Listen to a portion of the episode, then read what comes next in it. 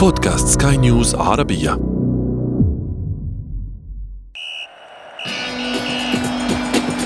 أثير الكرة.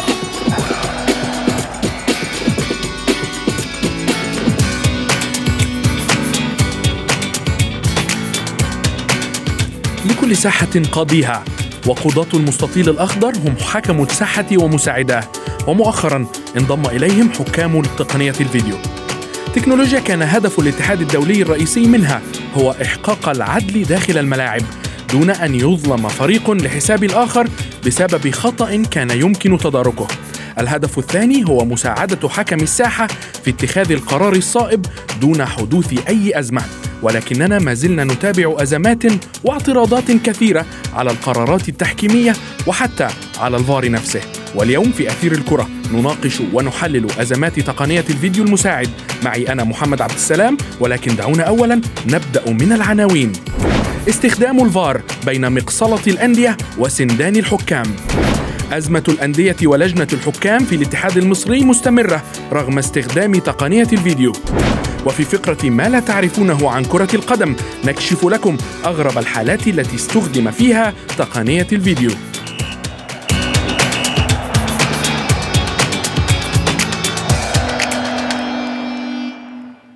مرحبا بكم مستمعينا في حلقة جديدة من أثير الكرة. الجدال التحكيمي مستمر في عالم المستديرة على الرغم من استحداث تقنيات لمساعدة الحكام في اتخاذ قراراتهم. هناك من يتفقون مع دخول التكنولوجيا إلى الملاعب، وهناك من يرون أنها أثرت على المتعة الحقيقية للعبة. جدال لم ولن ينتهي حتى النهاية.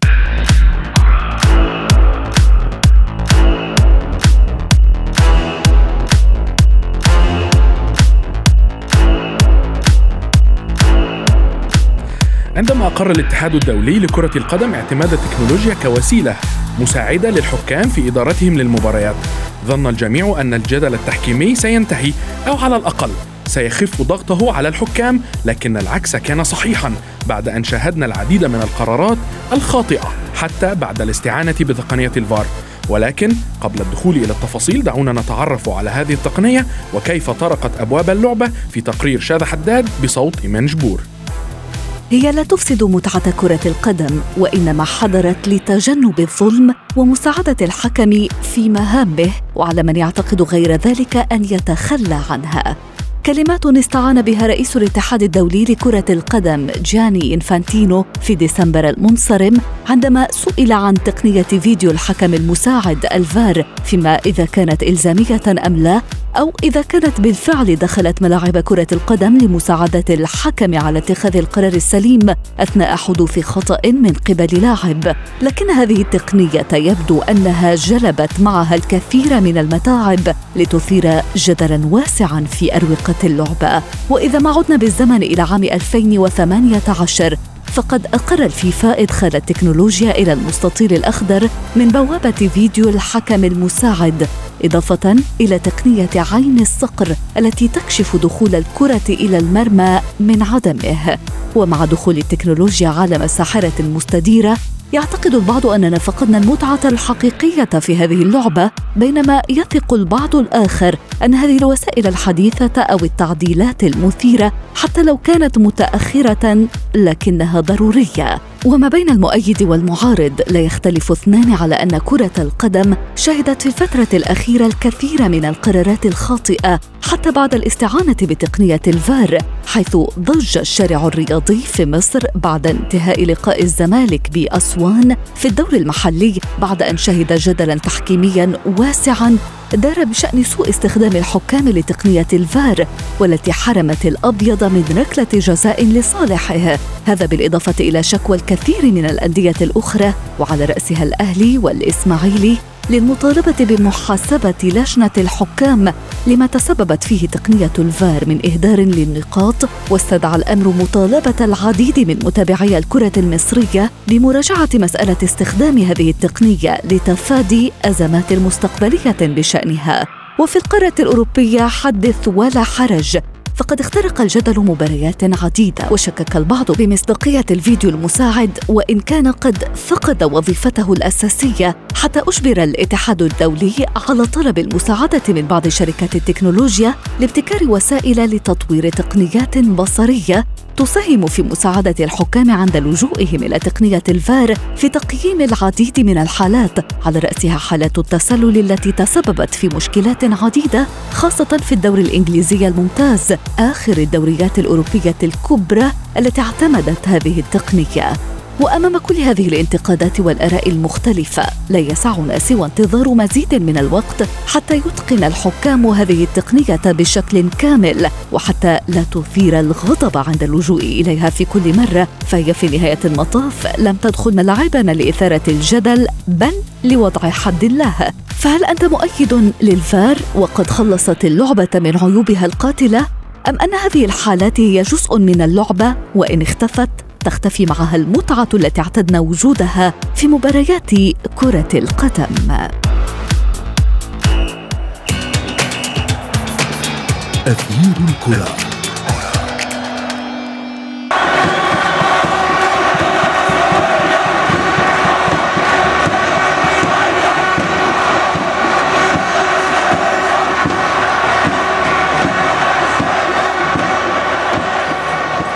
أزمة جديدة قديمة تطفو على السطح في الدوري المصري الممتاز وهي أزمة الحكام والأندية.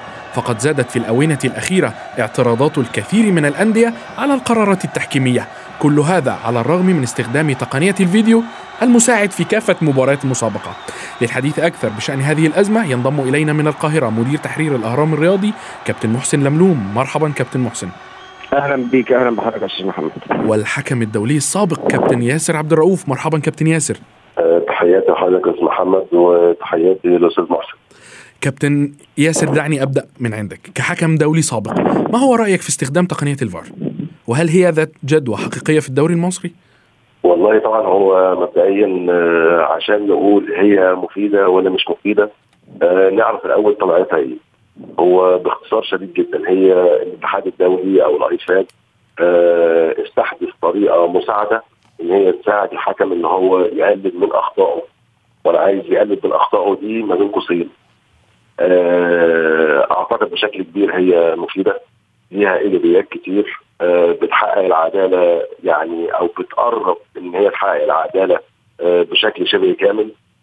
ليها سلبيات أكيد طبعا ليها سلبيات. نعم كابتن هل هي ذات جدوى حقيقية في الدوري المصري؟ علشان نقول هي ذات جدوى ولا لأ يبقى لازم نعمل لها دراسة جدوى دراسة الجدوى دي بتقول آه، كام حالة دخل فيها آه، حكم تقنية الفيديو كام حالة أغفل عنها كام حالة حكم الساحة احتاج فيها كام حالة آه، تم تصحيحها كام حالة كان ممكن يتم إغفالها لولا وجود تقنية الفيديو طبعا أنا ما عنديش الإحصائية بال بالظبط يعني ولكن أنا أقدر أقول لك بشكل عام آه لا هي طبعا صلحت كثير من الأخطاء وذات جدوى في الدوري المصري. نعم. كابتن محسن حتى حتى تغيرت إدارات الاتحاد المصري لكرة القدم. ومع ذلك الأزمة مستمرة بين الأندية ولجنة الحكام. في رأيك ما هو السبب وراء الأزمة استمرار هذه الأزمة كل موسم؟ آه خلينا نرحب الأول بكابتن ياسر. آه ثانيا خلينا أقول لحضرتك إن الحكام بشر وأخطاء الحكام هي هي وهتفضل موجودة آه أمد الظهر لكن الناس بتتعامل أو اللي خلى المشكلة حصلت في الأونة الأخيرة أو الفترة الأخيرة في الدوري السنة دي الناس بتتعامل على إن تقنية الفار جت يبقى ما فيش غلطة. طبعا ده مستحيل في الأول وفي الآخر حتى حكم الفار هو في النهاية بشر. آه لكن هي قللت بعض الأخطاء. آه فيها أخطاء okay. ولكن قللت بعض الأخطاء. لكن المشكلة آه السنة دي بصراحة ودي حاجة جديدة جدا على مش على كرة القدم العالمية مش مش المصرية بس إنها بقت حرب بيانات. يعني النادي الأهلي آه ليه هدف ما اتحسبش؟ عمل بيان. نادي الزمالك ليه ضربة جزاء ما اتحسبتش؟ عمل بيان. وبعدين اللجنة الثلاثية اللي بتدير كرة القدم راح ترد عليهم ببيان. يعني أنا مش عارف أي هزل بيحصل بصراحة يعني. نعم كابتن ولكن ولكننا تعودنا على ذلك في في كل في كل موسم. هناك بيانات من كلا الناديين الأهلي والزمالك آه. إضافة هذا الموسم آه، هناك آه. الإسماعيلي هناك سموحة هناك العديد. من الأندية تشتكي.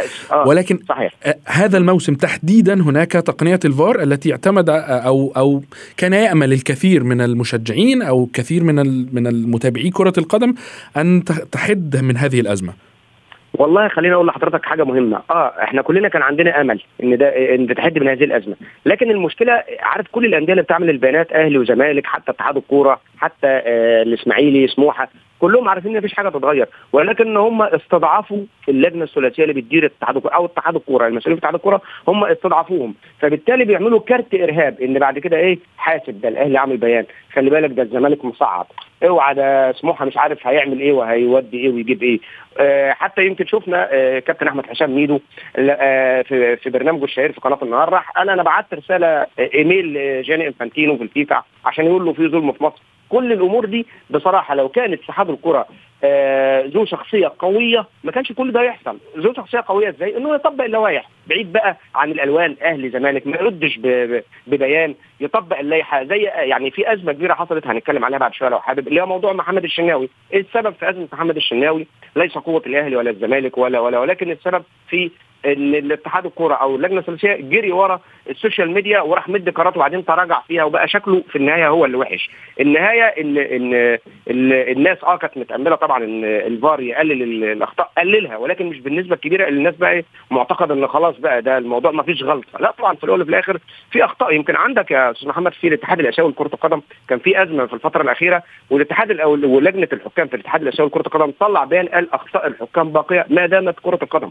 هي دي حقيقة دي لازم لازم نتعامل على هذا الأساس. مفيش حاجة اسمها يعني النهارده بيراميدز كان بيطالب بس بحكام أجانب نظرا للعدالة ومش عارف في مباراة الأهلي غدا هو نفسه استفاد من خطأ آه، تحكيمي قدام مباراة سموحة. ولولا هذا الخطأ لخرج آه لخرج بيراميدز خاسرا من سموحة 2-1 لما حارس مرمى شريف إكرامي دخل بالكرة الجول. يعني في الأول وفي الآخر الأخطاء واردة بس إحنا هنا بصراحة الأندية اللي مزوداها شوية واتحاد الكورة أنا شايف إن هو شخصيته ضعيفة جدا. نعم كابتن محسن كابتن محسن تجنبا للحديث عن ال...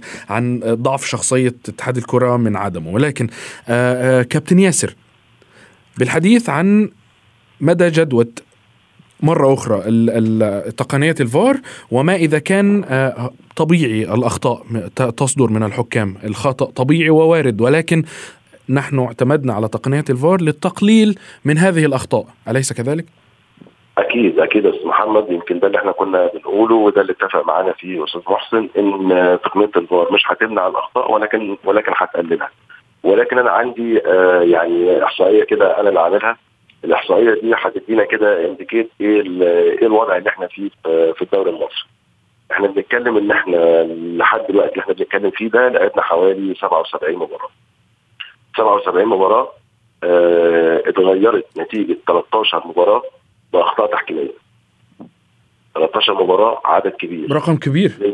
آه نسبة 16% دي نسبة عالية في وجود تقنية الفار فيعني لازم ما نحطش دماغنا في الرمل زي ما بنقول إن هو في ايجابيات لا في سلبيات. كان المأمول إن يكون المردود بتاع تقنية الفار أكبر من كده وإن الأخطاء تقل بشكل أكبر من كده.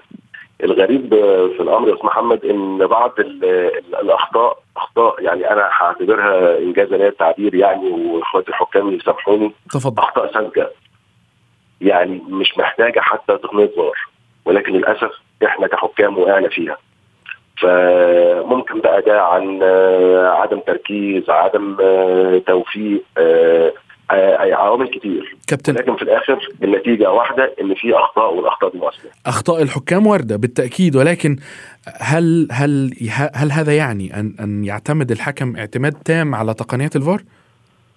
آه، تمام. ده سؤال في محله وهرد عليك الرد القانوني. في حاجة اسمها بروتوكول الفار.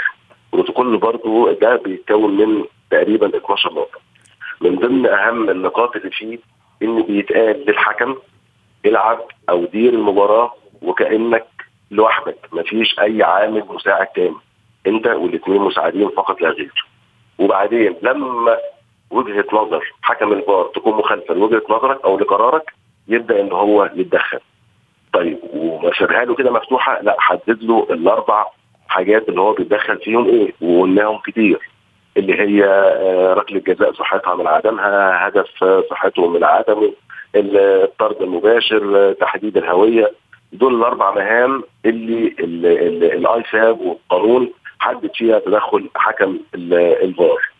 آه بعض التدخلات بتبقى مش مش سليمة وده طبعا بتبقى مشكلة حكم الفار. هو مش عارف دوره إيه أو نسي دوره إيه. فدي حاجة مهمة. أو تقديره في الحالة ما كانش مظبوط وتقدير الحكم هو اللي كان مظبوط. نعم ولكننا أيضا شاهدنا ان أن الحكام يستخدمون أيوة. الفار أكثر من أكثر من اللازم حقيقة ولا ولا يعتمدون على فقط البروتوكول. دي هتودينا بقى إيه لنقطة تانية مهمة يا أستاذ محمد. إن إحنا في في خضام كلامنا عن تقنية الفار نسينا حكم الساحة وبدأنا ننسى اخطائه هل هل نحن هل نحن من نسينا حكم الساحة أم حكم الساحة إلى حد ما تناسى واجباته داخل داخل الميدان واعتمد اعتماد تام على الفار؟ ما أنا هقول لحضرتك حاجة. آه النهارده لما إحنا بننسى كمتابعين أو كمشاهدين أو كمشجعين وبالتالي بنبدأ نركز على حكم آه الفار وبنحمله هو المسؤولية. فبندي انطباع نفسي للحكم اللي هو حكم الساحة ان حكم الفار بقى هو المسؤول ودي مش حقيقة. لأن برضه بروتوكول الفار بيتكلم على إن الحكم هو قراره الأول والنهائي. ما زال الحكم هو صاحب السلطة. ما زال الحكم هو صاحب القرار. آه فكان المفترض ان إن لجنة الحكام وإحنا معاهم كحكام قدام أو كمحللين أو كمحاضرين إن إحنا نبدأ نركز على حكم الساحة ونبدأ نقول له ونفهمه إن أنت بتغلط وبتغلط فيه ونعالج من أخطائه. ده مهم جدا. ده هيقلل آه، تدخلات حكم الفار. من ناحية ومن ناحية ثانية هيقلل الأخطاء بشكل عام. فده ده ده, ده ضروري. ده ضروري إن إحنا نركز على حكم الساحة ونركز على مهامه ونركز على واجباته ونركز على شغله ونعالج له اخطائه وهو يشتغل على نفسه ويواجه نفسه ويعرف هو مستواه وصل لغاية فين ويبدأ يصلح منه. ده مهم جدا. بالتأكيد. بالتأكيد. كابتن محسن في خضم كل هذه الأزمة وكل هذه الاعتراضات. إذا لم تكن هناك تقنية الفيديو في الدوري المصري الممتاز هل كنا سنشاهد هذه الاعتراضات القوية من الأندية؟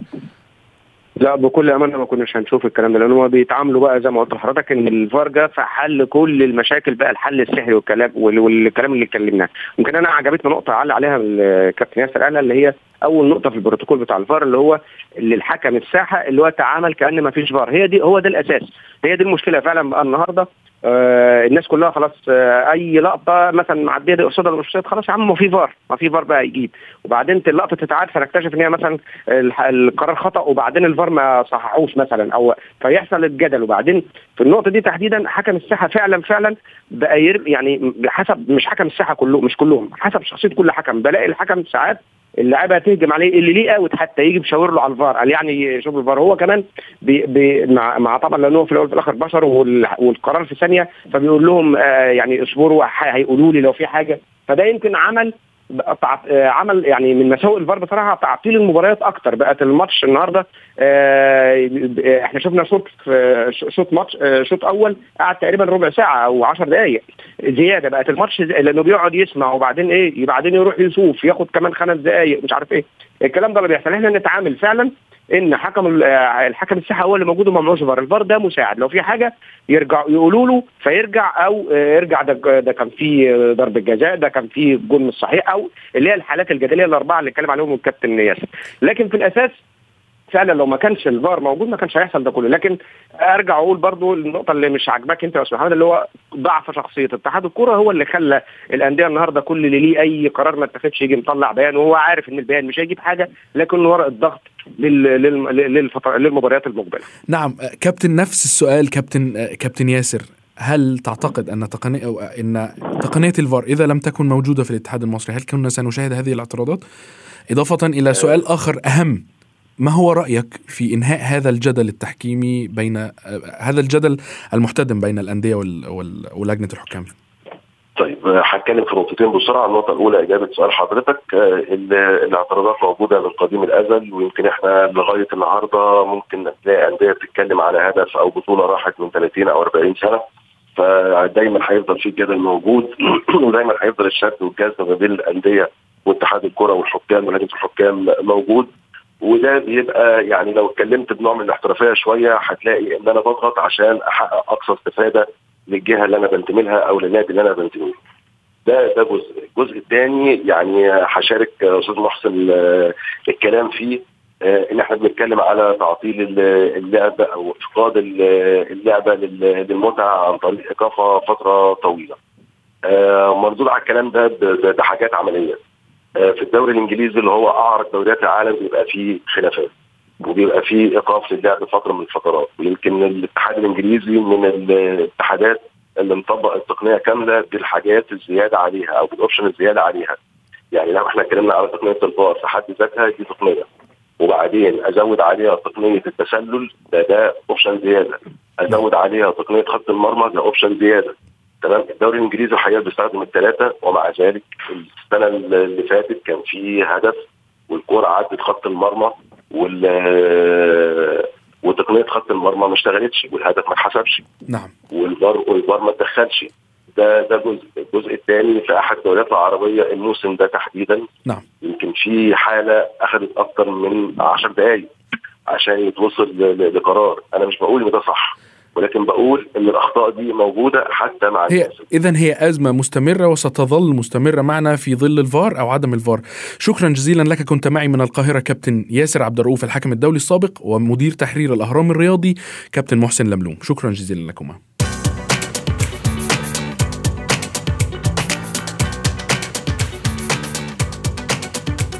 وصلنا إلى فقرة ما لا تعرفونه عن كرة القدم وفيها نكشف لكم واحدة من أغرب الحالات التي تم فيها اللجوء إلى تقنية الفار وذلك لأنها كانت وهمية ومن صنع خيال الحكم فقط.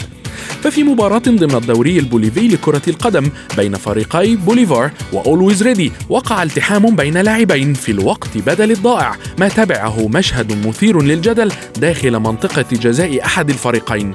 في البداية لم يطلق الحكم صافرته لاحتساب خطأ غير أن مساعديه استدعوه إلى الخط الجانبي خارج المستطيل الأخضر وتحدثوا معه. ثم عاد الحكم الرئيسي إلى داخل الملعب ورسم بيديه أمام الجميع في الهواء علامة المربع في إشارة منه أنه احتكم إلى تقنية الفيديو المساعد الفار ثم أشار إلى نقطة الجزاء محتسبا ركلة جزاء لصالح أولويز ريدي والذي بدوره أضاعها لاعبه لينتهي اللقاء بفوز بوليفار بهدف نظيف.